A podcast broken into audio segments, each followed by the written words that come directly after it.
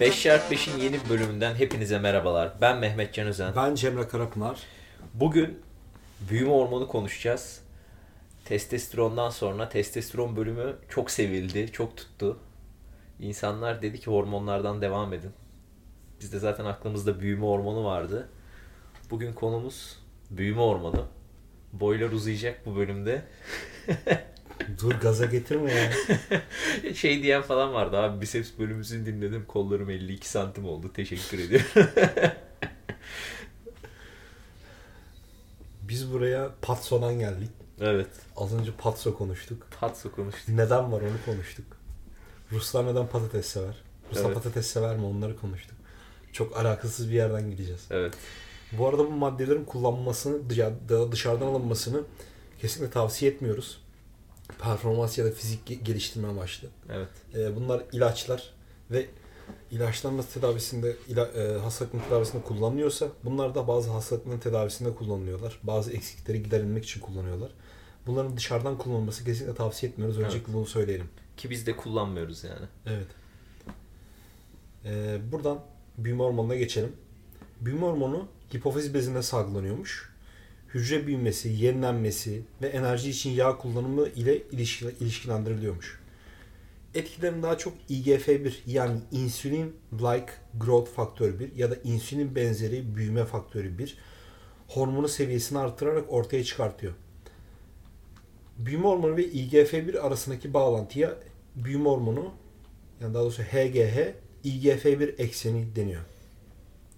IGF-1 daha çok karaciğerde salgılanır ama diğer hücrelerde de biraz salgılanıyor. Bu büyüme hormonu ile IGF-1 bayağı ilişkili. İlerleyen bölüm, ilerleyen kısımlarda buna zaten geleceğiz. Büyüme hormonu fazla olunca bazı hastalıklar olabiliyor. Ee, hipofiz bezinde bazen tümörler olabiliyor ya da başka bir bozukluk olmasından kaynaklanabiliyor bu fazlalık. Ne oluyor? Akromegali, karpal tünel sendromu, insülin direnci hatta ilerleyen dönemleri tip 2 diyabet, cinsel fonksiyonda düşüş ve devlik hastalığı olabiliyor. Yani boyları rekor seviyelere çıkan insanlarda bunu Evet. görüyoruz aslında. Eskiden Sultan Kösem Sultan değil mi? Evet. Daha eskiden de bir sürü birkaç tane insanlar varmış böyle. Bunların tabi hipofiz bezlerinde bir sıkıntı oluyor ya da ba- başka sebeplerden dolayı, sağlık sorunlarından dolayı küçüklüklerinden itibaren büyüme hormonları çok fazla salgılanıyor. Bu aslında bir bozukluk. Çok büyük boylara ulaşıyorlar bu insanlar. Fazlalığında bunlar olabiliyor. Eksikliğinde ise büyüme geriliği oluyor çocuklarda özellikle. Kemik zayıflığı ve enerji ve hayat kalitesinde eksiklik olabiliyor. Evet. Bu hormon çok fazla düşerse bunlar olabiliyor. Dışarıdan kullanım alanlarına baktığımızda bu tedavi için kullanılıyor aslında. Replasman tedavisi yani yerine koyma tedavisi eksiklik görüldüğünde kullanılabiliyor bunlar. Çocuklukta büyüme geriliği olduğunda e, ve başka hastalıklarda kullanılabiliyor bunlar. E, ayrıca obezite, MS hastalığı, fibromiyalji ve Crohn hastalığı ve benzeri hastalıklarda denenmiş çelişkili sonuçlar vermiş. Daha çok growth hormonu reçete dışı kullanımlarda görüyoruz aslında dışarıdan alımlarda. Anti-aginglerde çok kullanılıyor. 1900'larda, 1990'larda popüler olmaya başlamış. Kullananlarda ki özellikle yaşlılarda yağsız kütle artışı ve yağ kaybı görülmüş. Şu anda hala çok sıklıkla kullanılıyor. Hatta bazı ünlü isimlerin de kullanıldığını dair söylentiler çıkıyor. Duyuyoruz bunları. Bir de performans arttırıcı madde olarak kullanılıyor ki bu yasaklı. Bunun kas büyümesine katkısı olduğu söyleniyor fakat çok fazla olmadığı söyleniyor. Evet. Büyük ihtimalle anabolik androjenik steroidler kadar kas büyümesine katkısı yok. Bazı uzmanlar bunun direkt etkili olduğunu söylüyor kasa. Bazıları ise do- çok doğrudan etkili olduğunu savunuyor. Daha çok tendonların ve bağların iyileşmesine dair kuvvetli kanıtlar mevcut. Sakatlıktan iyileşirken kullanıyor genelde sporcular. ya da antrenman arası dinlenmelerini e, daha desteklemek amacıyla kullanıyorlar. Çok üst düzey sporcular, üst düzey değil profesyonel sporcular kullanıyor Evet. bunları. Bir nevi de aslında şundan kullanıyorlar. Tespit edilmesi güç bir madde. Bu yüzden sıkça kullanılıyorlar. Ee, yani bunu da şeyden söylüyorum. Şimdi üst düzeyde gördüğünüz Amerikan sporcuları ya da Türkiye'de olan, Avrupa'da olan sporculardan performans artırıcı madde kullanmadıklarını iddia edenler için söylüyorum bunu. Ee, çok büyük ihtimalle çok büyük bir kısmı kullanıyorlar ve kullanmaya devam edecekler. Çünkü tespit edilmesi güç bir madde. Ee, reçete dışı kullanımlarda yine yakıt olarak daha çok yağ kullanılmasını sağlıyor. Eksikliğinde kas kütlesine düşüş, yağ kütlesinde artış görülüyor. Bu yüzden de biraz yağ kaybetmek için fizik sporcularının da kullandığını görüyoruz bunu. Hatta belki bu yüzden de obezite tedavisine denenmişler. Çok olumlu sonuçlar gelmemiş, daha doğrusu çelişkili sonuçlar gelmiş. Ama böyle bir etkisi de olabileceği söyleniyor. Nasıl salgılanıyor peki vücudumuzda? Nabız şeklinde salgılanıyor. Yani hızlı bir artış oluyor, biraz salınıyor. Ondan sonra yavaş bir salınım oluyor, düşüyor, salgılanmıyor. Sonra tekrar dalgalı bir şekilde salgılanıyor. Hangi faktörler etkili bunda peki? Östrojen örneğin bazı insanlara şaşırtıcı gelecek ama büyüme hormonu seviyelerini düzenlemekte büyük bir rol oynuyor. Hatta kadınlar erkeklere kıyasla daha sık büyüme hormonu nabzına sahip oluyor. Yani burada nabız dediğimiz hızlı artış. Daha sık artış oluyor. Daha sık artıyor, düşüyor, düşüyor, artıyor, düşüyor. Kadınlarda böyle bir şey oluyor. Östrojen fazlalığından olduğu düşünüyor bu. Peki başka ne etkiliyor bunu? İnsanlara yine garip gelecek. Düşük proteinli beslenmek biraz salgılanmasını arttırıyor.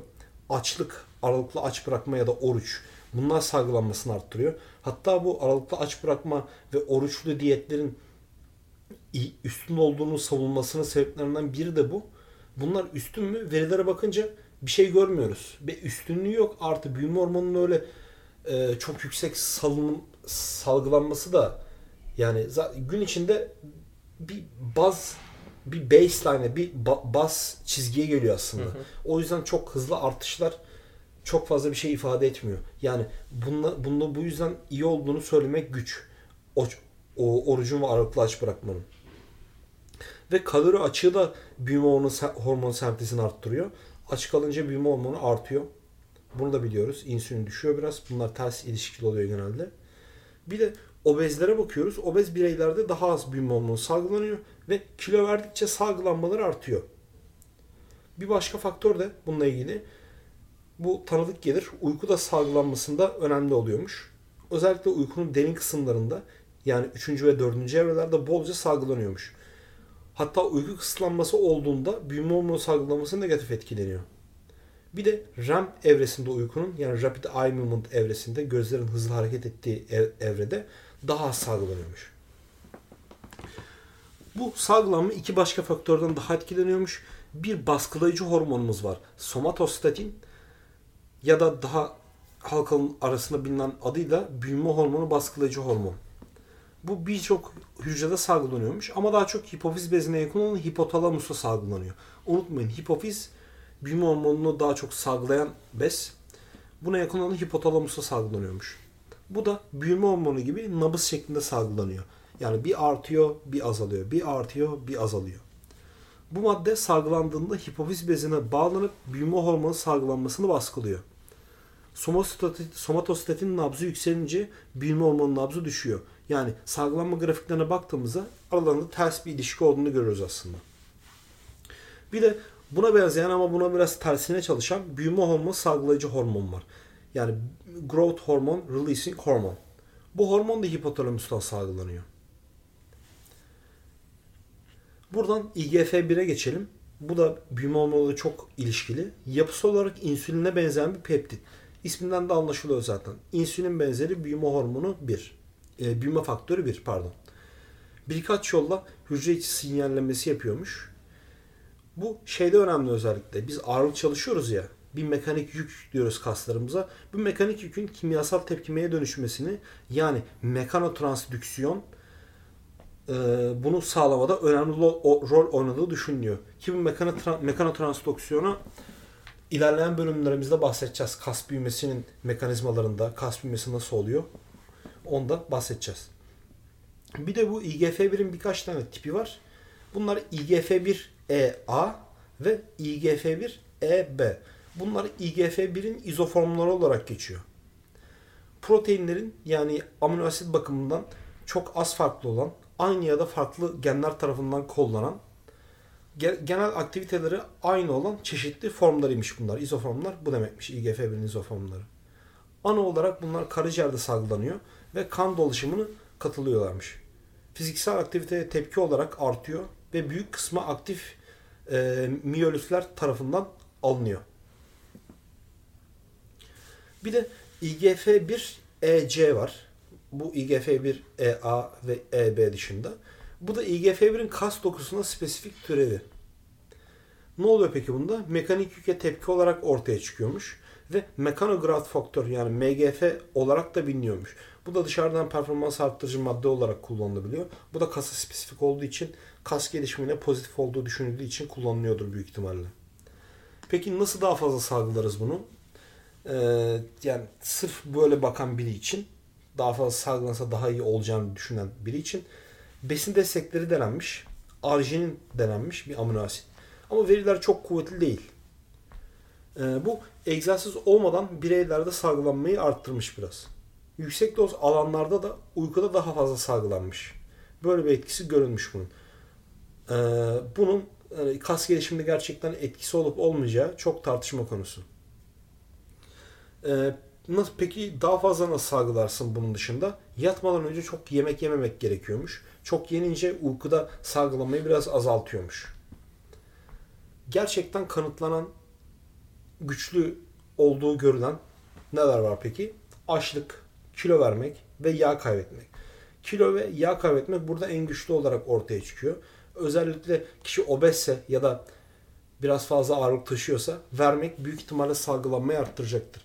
Sonra düzenli egzersiz yapmak ve hepsinden önemlisi dengeli beslenmek, tek düze beslenmemek, uykuya ve dinlenmeye bol vakit ayırmak, stresten uzak durmak. Aslında bunlar, bunlarla optimize edilebilir bu seviyeler. Evet. Dışarıdan bir katkı almaya, maddeler kullanmaya gerçekten gerek yok. Artı buna çok fazla takmaya da gerek yok. Çünkü büyüme hormonunun kas kütlesine çok da etki edeceğine dair böyle çok aşırı kuvvetli kanıtlarımız yok. Evet. Daha doğrusu çok etki ettiğine dair kanıtlarımız yok. Sanırım e, kemik kalınlığını ve tendon eklem e, sağlığına daha çok etkiliymiş. Evet. Zaten. Şu an okuduğum kadarıyla öyle. Evet. Biraz da hani böyle işin magazinsel yanı hani sen dedin e, profesyonel oyuncular zaten sakatlık dönemlerinde kullanıyor vesaire. İşte bunun en büyük destekçisi Dallas Maverick'in e, kulüp başkanı Mark Cuban.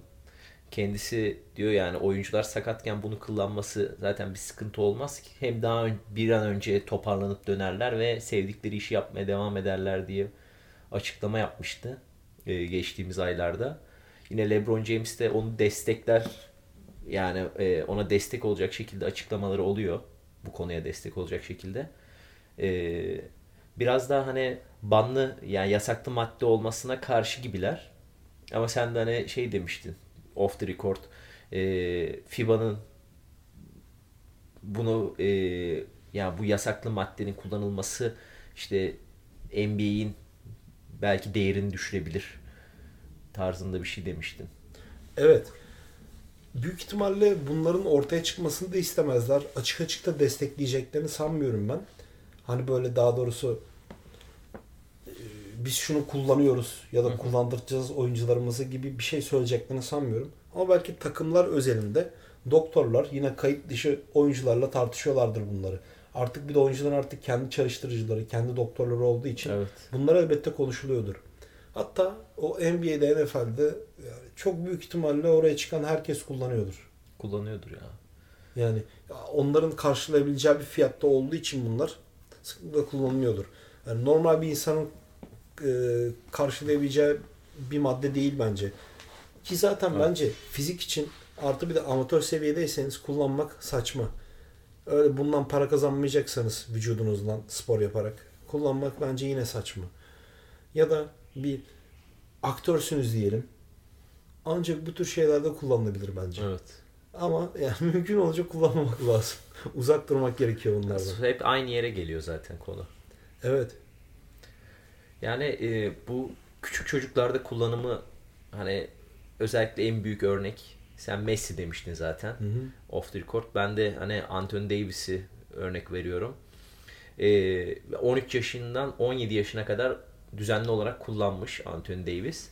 İşte kullanma sebebi de işte boyu 5 fitte kalmış. Ee, kullandığı süre zarfında da 5 fitten 5.8'e kadar uzama olmuş. 5 fitte ne? 1.50 mi? O civar bir şey herhalde. Evet. 1.55 falan herhalde. Hı hı. Öyle bir şey bayağı kısa yani. Bir erkek için. O yaşta bile olsa. Ee, ondan sonra e, lise dönemindeyken de E, boyu 6 fitmiş. Yani bu yaklaşık 1.80 falan yapıyor. 1.83 aynen. E, al- 18 ayda 6.8'e kadar uzamış. Yani 2 2.3 3 4 civarı. Şu anda kendisi e, 2.11 santimetre e, ve hala uzamaya devam ediyor falan diyorlar yani. Ya bu tür şeyleri de aslında konuşmak ve bunların ortaya çıkması da aslında biraz çocukları teşvik ediyor. Ediyor. Çok çok iyi bir şey değil aslında. Kendisi tweet at, tweet dizisi atmıştı bu konuda. E, ve kaldırmış Normal. yani. Sonradan fark etmiş olmalı. Hiç O yaşamadım. ciddiyetini. Tabii bunun da çok böyle ortaya çıkmamasının ve yayılmamasının, yayılmasının istenmemesinin sebeplerinden biri de bu. Çocukların ve bu işle alakalı olmayan kişilerin bunlara yö- yönelmesi ve bununla ilgili sağlık sorunlarının ortaya çıkmasından çekiniyorlar haliyle. Diğer performans arttırıcı maddelerde de bunlar var aslında. O yüzden bunlar hep tabu olarak kalacak. Evet. Belki de açık açık konuşulmaması gerekir. Yani belki açık açık konuşulması gerekir ya. ya olayı fark etmek önemli. Yani ne bileyim hani ben de işte sakatken hani eee, şey kullanmayı düşünmüştüm yani. Belli maddeleri kullanmayı düşünmüştüm. Sonra o dönem hem kullanan hem de vücut geliştirme yarışmasına hazırlanan antrenör arkadaşımla falan konuştum. O çalıştırıyordu beni o dönem. İşte eee, şey falan dedi hani kullanma dedi. Anlattı falan bana yani. Ondan sonra o anlattığı için ben kullanmadım. Belki anlatmasa kullanacaktım ve yani basalım kardeşim dese basacaktım yani. Ama anlattı güzelce. Ben de onu idrak ettiğim için kullanmadım yani. O yüzden konuşulması veya daha önemli yani tabu olarak kaldığı sürece zaten daha çok sorun olur gibi geliyor bana. Bu her konu için böyle. Tabii eskiden biraz daha açık konuşuluyormuş bunlar. 70'lerde 80'lerde hatta spor olmasa bile vücut geliştirmede Arnold'un bazı röportajları var hani yarışmadan önce kullandığını söylüyor anabolik steroidleri ve bazı maddeleri. Ama tabii sonra bunlar yasaklanınca bu görüşmeler tabii e, Kullanmıyorum. Yani evet. ben hiç kullanmadım. Yani şey sıkıntı. Gerçekten bu insanları idolize eden Hah. çocuklar bunları kullanacak. Evet onu, onu diyecek. Yani şunu sanacaklar. Ben bunu kullanırsam eğer gerçekten o seviyeye ulaşacağım sanacaklar. Bir milyon kişi kullanacak bu maddeleri fakat aralarından bir kişi iki kişi yukarılara çıkacak. Ve bunun aslında sebebi o maddeleri kullanmaları olmayacak belki de. Evet. Genetik olarak zaten üstün olanlar çıkacak. Evet. Ee, bunlar da belki birazcık iyileşmelerine destek olacak. Ee, onlar atıyorum e, 100 üzerinden 90'lık bir oyuncular. Onun 91-92'ye çıkmalarını sağlayacak. Ha yani yine büyük küçük bir fark olacak. Ama öyle gerçekten böyle bir sporcuyu seviyesinin en üstüne taşıyan şeyler olmayacak bence. Evet. Yani kötü genetiğe sahip birini bu maddeler iyi bir sporcu yapmaz. Bak ben de Enes Kanter'den örnek vereceğim. Enes Kanter de işte e, Fenerbahçe'deydi sanırım. O dönemde growth hormon kullanıyormuş. Bunu da bana işte bir dönemki koçum anlatmıştı işte o Enes Kanter'le rakip olduğu zamandan. E, growth hormonu kullanıyormuş. O da hani böyle bir, bir buçuk senede falan bayağı uzamış yani zaten kendisi şu an pivot pozisyonunda oynuyor falan. İşte adam NBA'ye kadar geldi. Ama hani bazı şeyler hani gerçekten tamam iyi oyuncu falan deniyordu, yükselebilir deniyordu ama belli bir seviyede kaldı. Çünkü hani bazı şeyler sporculuğun önüne geçtiği için bu senin dediğin gibi yani hani e, tamam belki orada genetik açıdan iyiydi ki ger- gerçekten iyi bir genetiğe sahip ama oyunun önüne geçmesine izin verdiği şeyler onu şu an NBA'de sıradan belki de sıradanın da altında bir oyuncu yapıyor. Tavuğun da NBA'in de evrim geçirmesini öne sürebiliriz aslında. Tabii birçok nedeni Evet yani. Yani onun pozisyonunda, onun stilinde oynayan oyuncular biraz geride kalmaya başladı. Evet. Ama dediğin gibi çok faktör vardır bunda. Bu konuda başka ekleyeceğim bir şey var mı abi? Yok. O zaman bu bölümü de burada bitirelim. Biraz hızlı bir bölüm oldu gibi değil mi? Bana da öyle geldi ya. Kısa mı konuştuk? Kısa bakalım. Biraz daha konuşalım. Bir- daha. biraz daha detaylı çalışsaydım belki iyi olurdu da şu an bu kadar çalıştım. O yüzden bunlar çıktı. Ya aslında yani hep bu tip maddelerde olay aynı yere geliyor ya. Hep aynı kapıya çıkıyor. Yani dediğin gibi. Ya profesyonel oyuncular kullanıyor. Bunu idolize eden bizim gibi insanlar onlara özeniyor, kullan, kullanıyor. Onlar gibi olacağını hayal ediyor ama sonuç öyle olmuyor. Düşünüldüğü gibi olmuyor. Evet. Yani. Bu da böyle. Survival of Fittest. Biz de o şarkının şeyini mi alsak acaba? Telifini mi alsak? Girişe bunu koy. O girişe bunu koyayım? Bizi dinlediğiniz için çok teşekkür ederiz. Asla uyuşturucu veya yasaklı maddeleri kullanmayın. Bir sonraki bölüme kadar kendinize çok iyi bakın. Görüşmek üzere. Don't do drugs. Don't do drugs. There's a war going on outside, no man is safe from. You could run, but you can't hide forever.